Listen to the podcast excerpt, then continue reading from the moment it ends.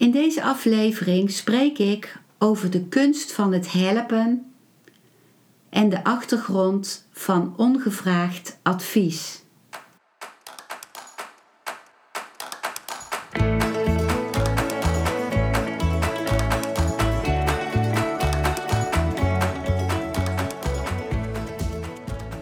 Welkom bij een nieuwe aflevering van Modita's podcast Van Pijn naar Zijn. De podcast waarin ik je meeneem voorbij de pijn in je leven naar wie je diep van binnen bent. Hoe kun je beter omgaan met je gevoelens? Hoe vind je rust in je hoofd? Wat zit er precies achter je pijn? En vooral, hoe kun je steeds meer jezelf zijn? Adem eens diep in en uit. Ik wens je veel luisterplezier.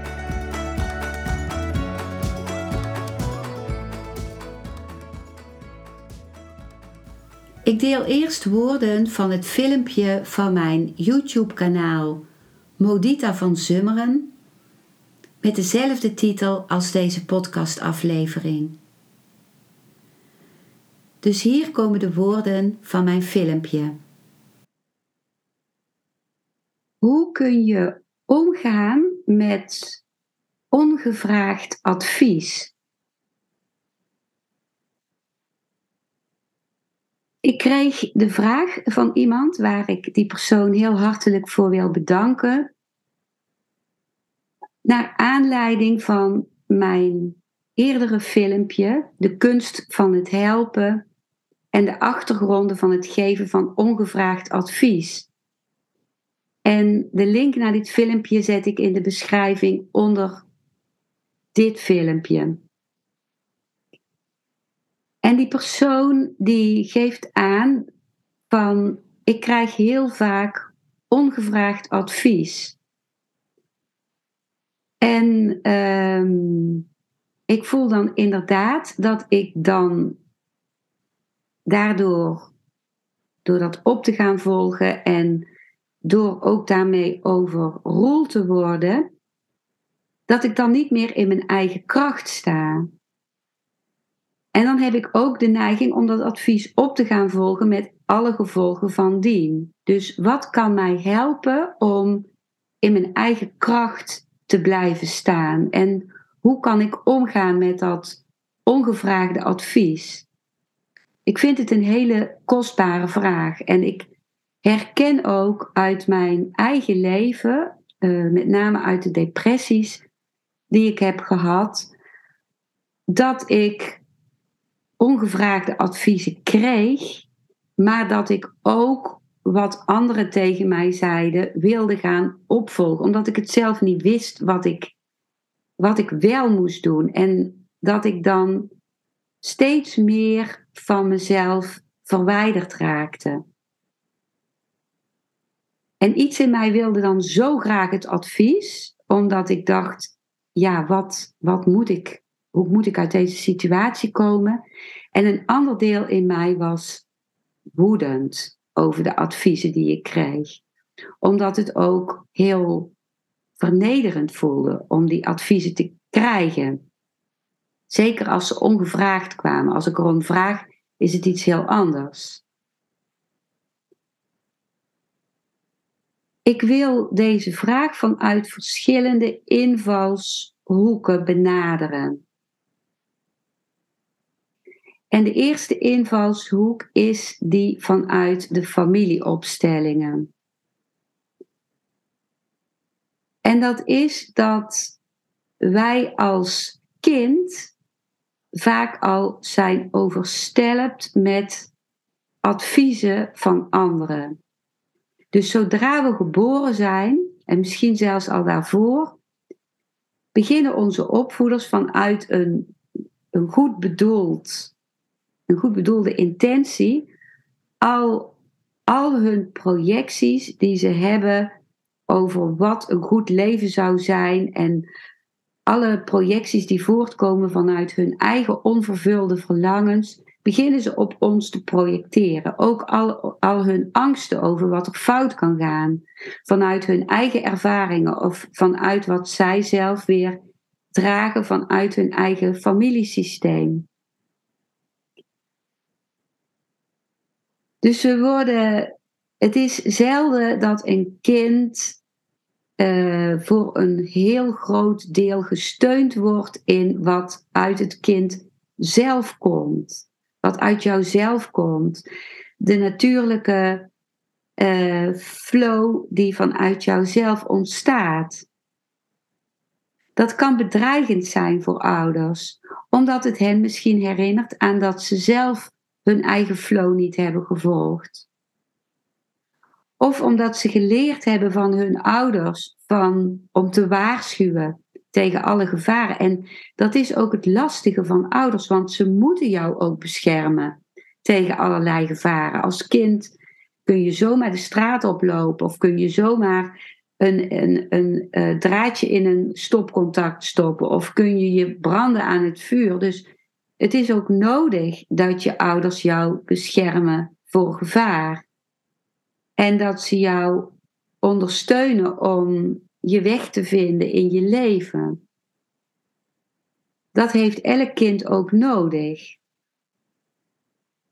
Maar de kunst is voor een ouder om te kijken tot op welke hoogte doe ik dit en waar laat ik het kind zelf experimenteren en waar wil mijn kind iets wat helemaal anders is als wat ik leef.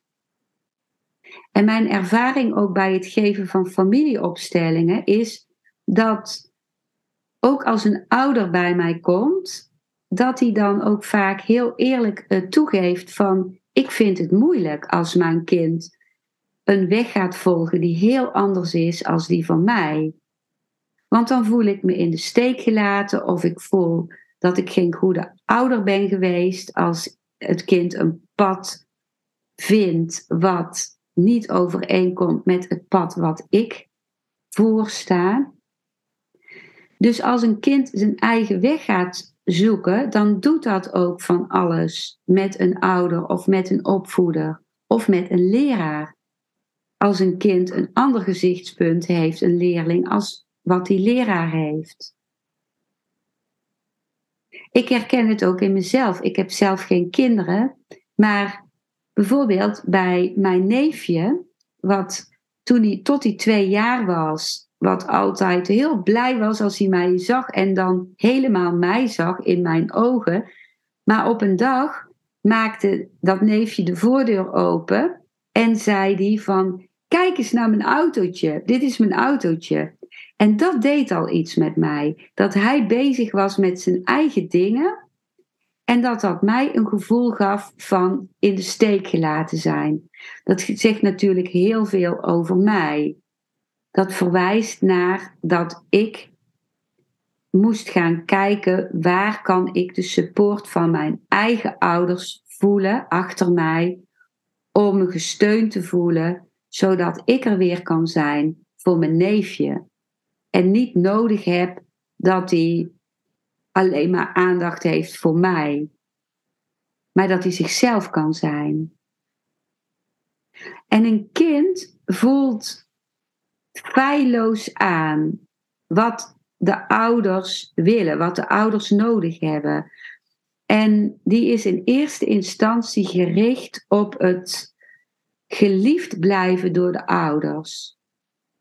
Dus als je uh, het advies van je ouder niet opvolgt en je ziet dan de teleurstelling bij je ouder, of dat je ouder zich eenzaam gaat voelen daardoor, dan ben je als kind toch als eerste gericht op de verbinding met je ouder, om die veilig te stellen. Om te zorgen dat jouw overleving veilig is. En de aandacht en vriendelijkheid en attentie van de ouders is broodnodig voor een kind. Dus wat ik nu vertel is niet alleen het perspectief van familieopstellingen, maar ook vanuit de traumaheling dat een kind alles zal doen om de verbinding te behouden met de ouder. En dat kan zich voortzetten in jouw latere leven. Als jij merkt dat door het niet opvolgen van een advies jouw verbinding met die ander verdwijnt, dus dat je alleen komt te staan of afgestoten wordt, dan zul je ook in je latere leven moeite hebben met een advies van een ander niet op te volgen. Dat is niet iets bewusts. Dat is uh, iets waarbij je meteen een, een, een, koppeling ontstaat met een oude situatie van hey, niet opvolgen van advies betekent levensgevaar.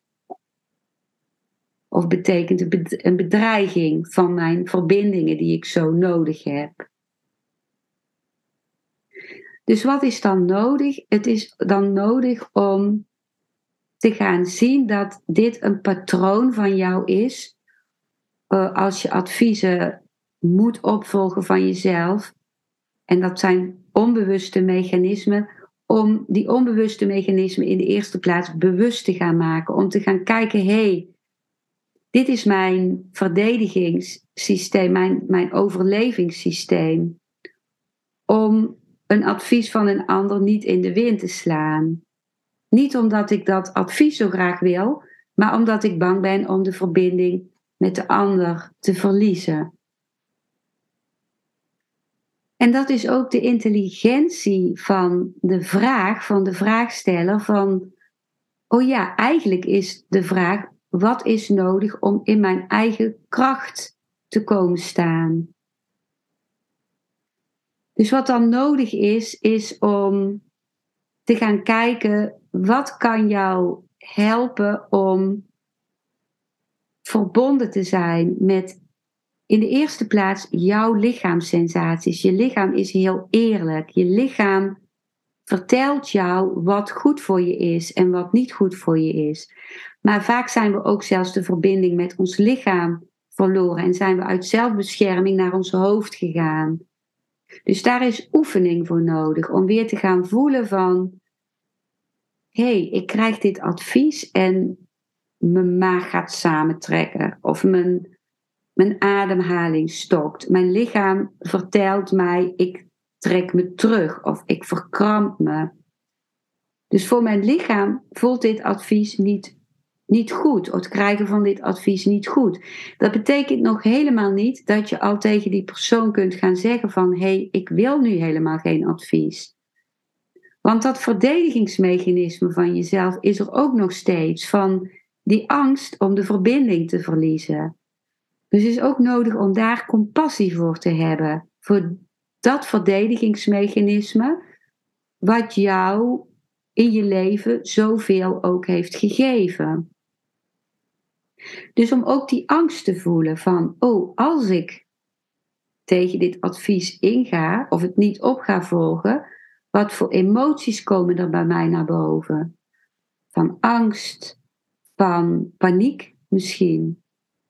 Of dat je het advies krijgt, wat gepaard gaat met het samentrekken van je maag en het stokken van je ademhaling gaat misschien ook wel gepaard met de emotie woede.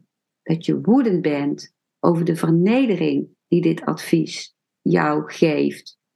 Dus misschien merk je dat je kaken zich gaan spannen en dat, de, dat er woede zit in je handen. En dat kan helpen om met een persoon die veilig voor jou voelt, daarmee te gaan werken. Met iemand die ervaring heeft in bijvoorbeeld traumabegeleiding of in die werkt met lichaamswerk of met dingen waarbij ook het lichaam betrokken wordt. En om dan te gaan voelen wat, wat voor impuls zit daar eigenlijk in mijn lichaam. Zou ik die persoon van me af willen duwen?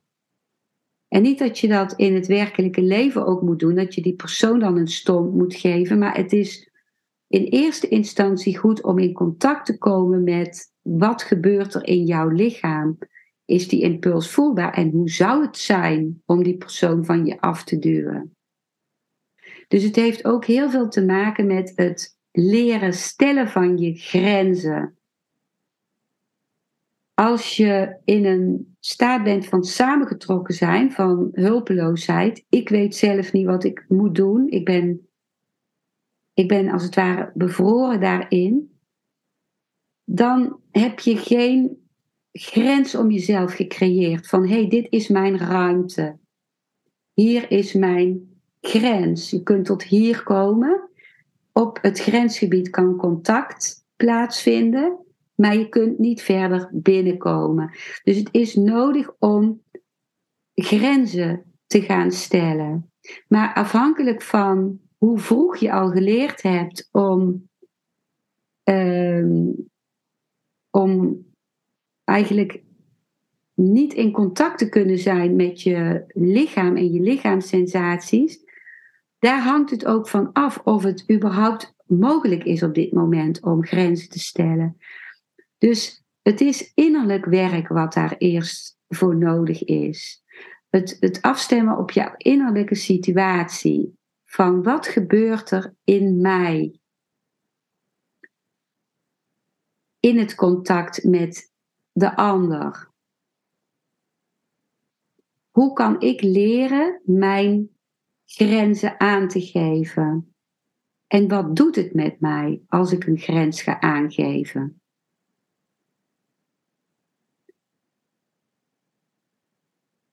En dat aangeven van grenzen, dat is altijd iets wat gerelateerd is aan, of bijna altijd aan wat eerder in je leven is gebeurd. Wat al gebeurd is in het aangeven van je grenzen naar je ouders. Of het niet aan kunnen of mogen geven van je grenzen. Als een ouder, en dat is weer vanuit het perspectief van de familieopstellingen, als een ouder ehm, niet heeft kunnen ontvangen van de eigen ouders, dan gaat het het kind vaak gebruiken om mee verbonden te zijn, in plaats van de verbinding die hij gemist heeft met de eigen ouders. En dan wordt van het kind als het ware gevraagd om de ouder te worden van de ouder, om dat gat in de ouder op te vullen. En dan krijg je een hele symbiotische relatie. En vanuit die versmelting uh, kun je de ouder als kind niet eens zien. Dus dan is het ook nodig om te gaan zien de versmelting die ontstaan is. En dan kan een familieopstelling helpen om te gaan zien wat daar energetisch gebeurt tussen jou en je ouders. En je gaat dan ook zien in zo'n opstelling hoe bijvoorbeeld de, wat jouw moeder naar jou doet, of je vader naar jou doet, weer samenhangt met wat je moeder of vader draagt uit zijn of haar familiesysteem. En dan kan het in een opstelling, door het inzicht wat je krijgt en door de helende bewegingen die daarin gemaakt kunnen worden, zo zijn dat de ruimte ontstaat voor jou. En dat er een grens kan plaatsvinden tussen jou en je ouder. Wat niet betekent het uit contact gaan met je ouder, maar het kunnen stellen van een grens. Dus van daaruit nodig ik je van harte uit voor een familieopstelling. Omdat die verstrikkingen binnen het familiesysteem altijd onbewust zijn. Daar kun je met je bewustzijn niet bij. Het enige wat je voelt is, bepaalde dingen overkomen mij buiten mijn wil om. Dat duidt op een verstrikking binnen het familiesysteem.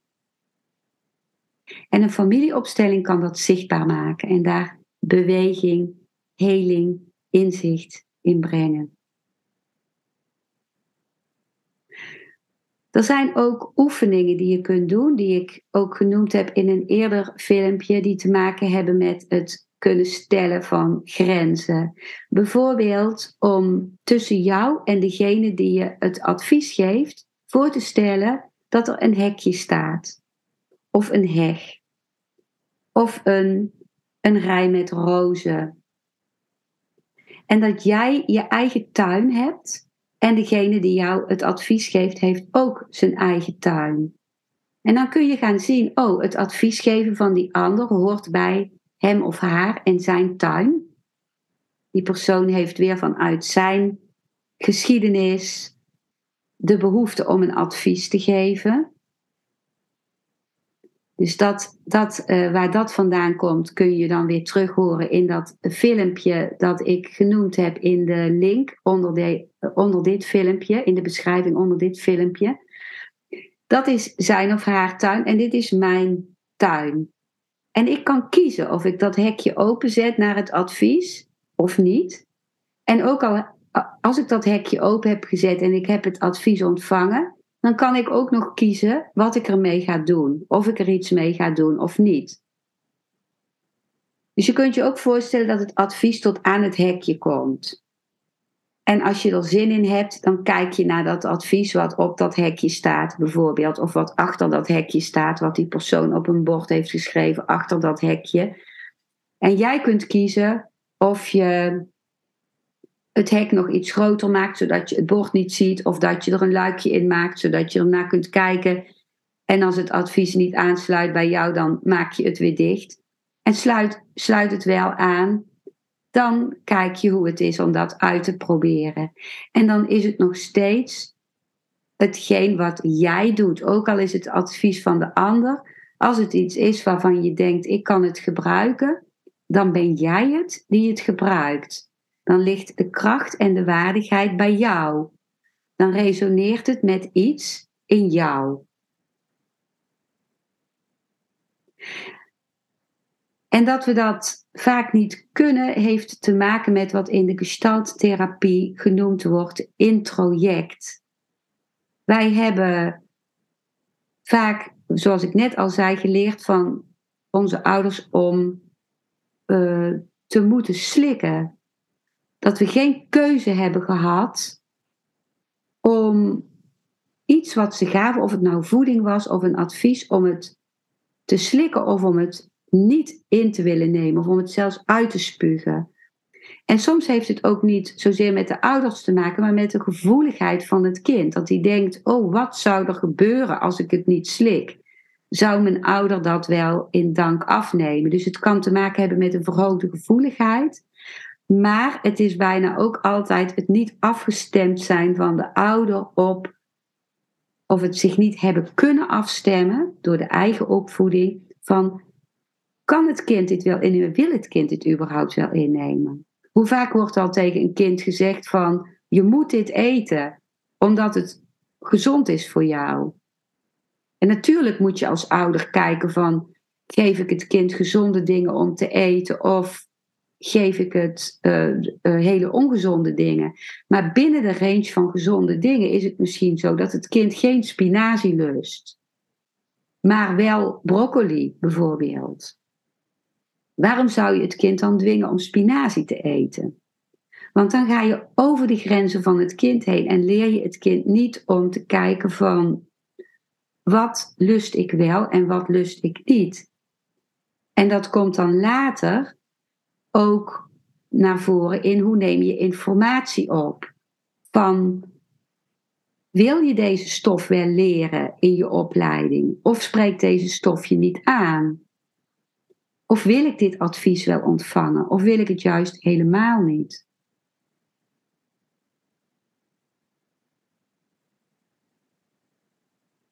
En het niet willen ontvangen van adviezen, omdat je in je eigen kracht wil gaan staan, betekent niet dat je ehm, dan maar tegen alles gaat rebelleren.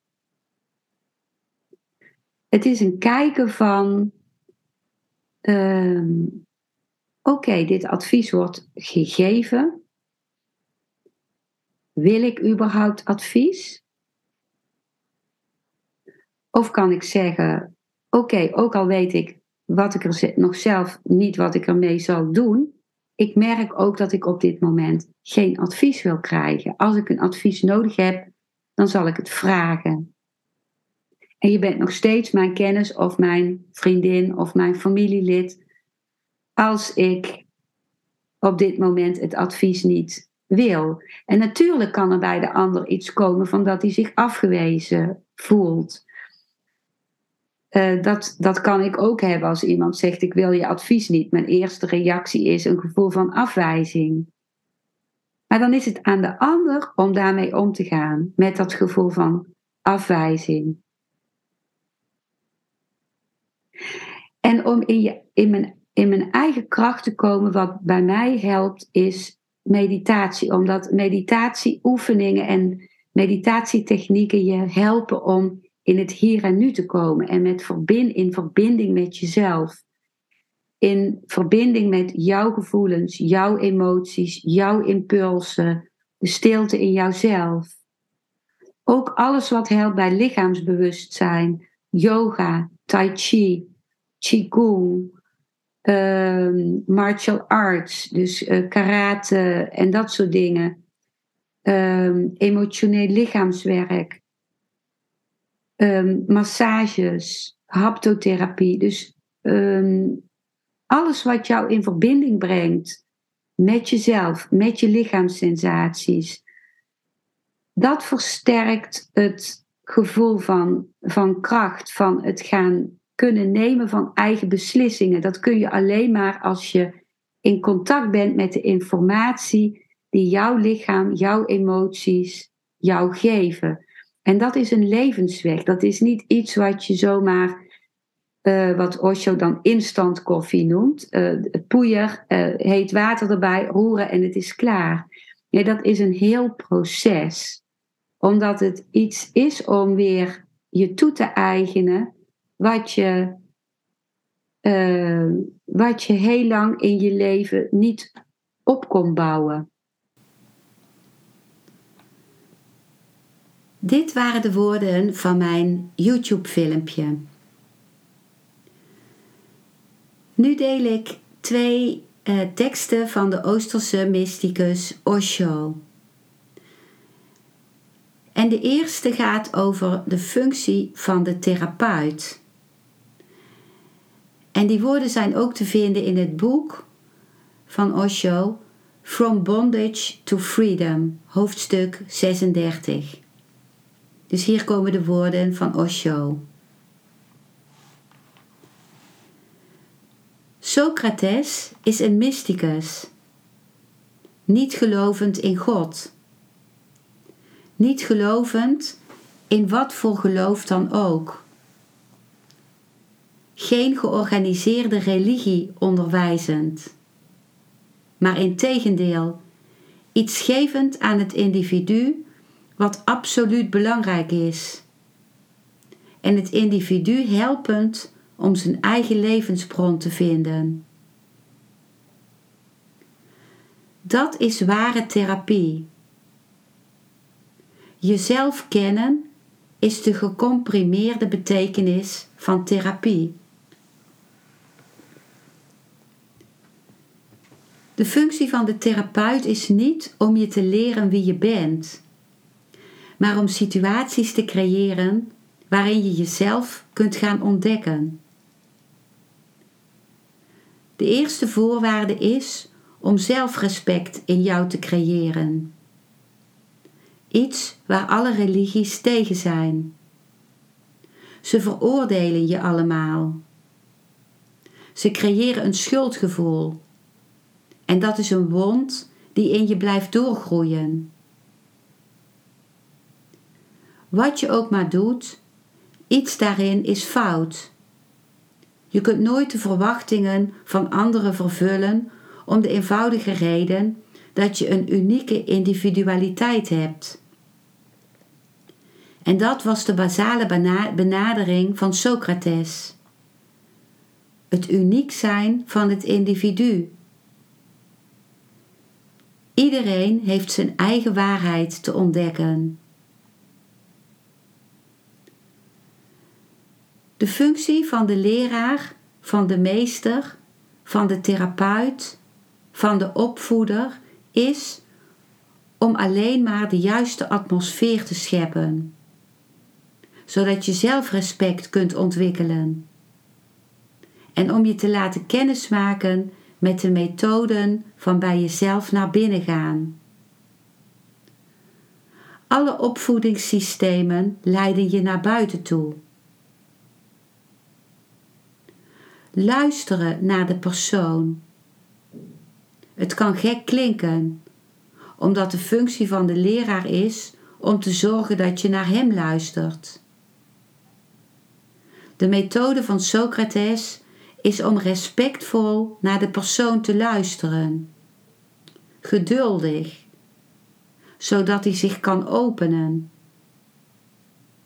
Hij hoeft niets te onderdrukken, hij hoeft niets te verhinderen. Hij kan helemaal naakt zijn en toch waardig blijven. Als een therapeut dat kan doen, een mens helpen om helemaal naakt te zijn, open, zonder geheim, zonder iets te verbergen, dan heeft de therapeut succes gehad. Omdat iemand zich in deze naaktheid zijn eigen onschuld realiseert. Dit naakt zijn is symbolisch. Net als een kind naakt wordt geboren, zo word jij opnieuw geboren. Nu spiritueel naakt. Dat was de eerste tekst van Osho. De tweede gaat over de genezer.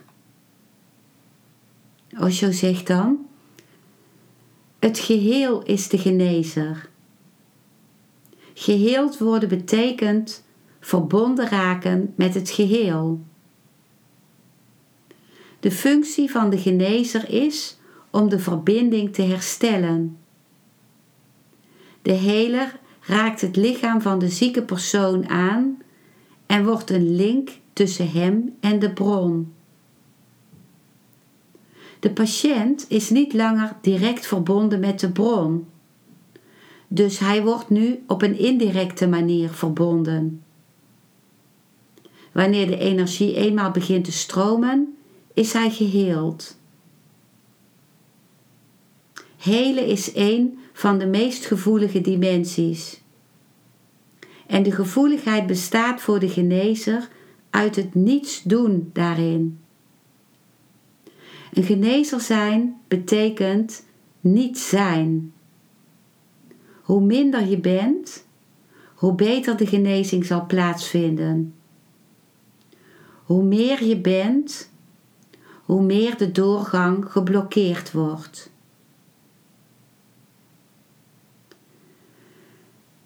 Met deze woorden van Osho wil ik deze aflevering beëindigen. Dankjewel voor het luisteren naar deze aflevering. Ik hoop dat hij je een nieuw inzicht of perspectief heeft gegeven. Ik hou van interactie, dus als je iets wilt delen, stuur me dan een mailtje op info@genietenvanmeditatie.nl. Ik geef je dan altijd antwoord. Ik wens jou dat je vreugde in het dagelijks leven zult ervaren en innerlijke rust. En dat je steeds meer je pijn zult kunnen omvormen in zijn. Je kunt de afleveringen van deze podcast volgen via Spotify, Google Podcast, Apple Podcast en Podbean door op de volg- of abonneerknop te klikken. Als je luistert via de Apple Podcast, dat kan alleen als je een iPhone hebt, heb je een extra voordeel. Omdat als je op de knop abonneren klikt, je steeds een berichtje op je mobiele telefoon ontvangt als er weer een volgende aflevering van mijn podcast verschijnt. Je bent van harte welkom bij die volgende aflevering.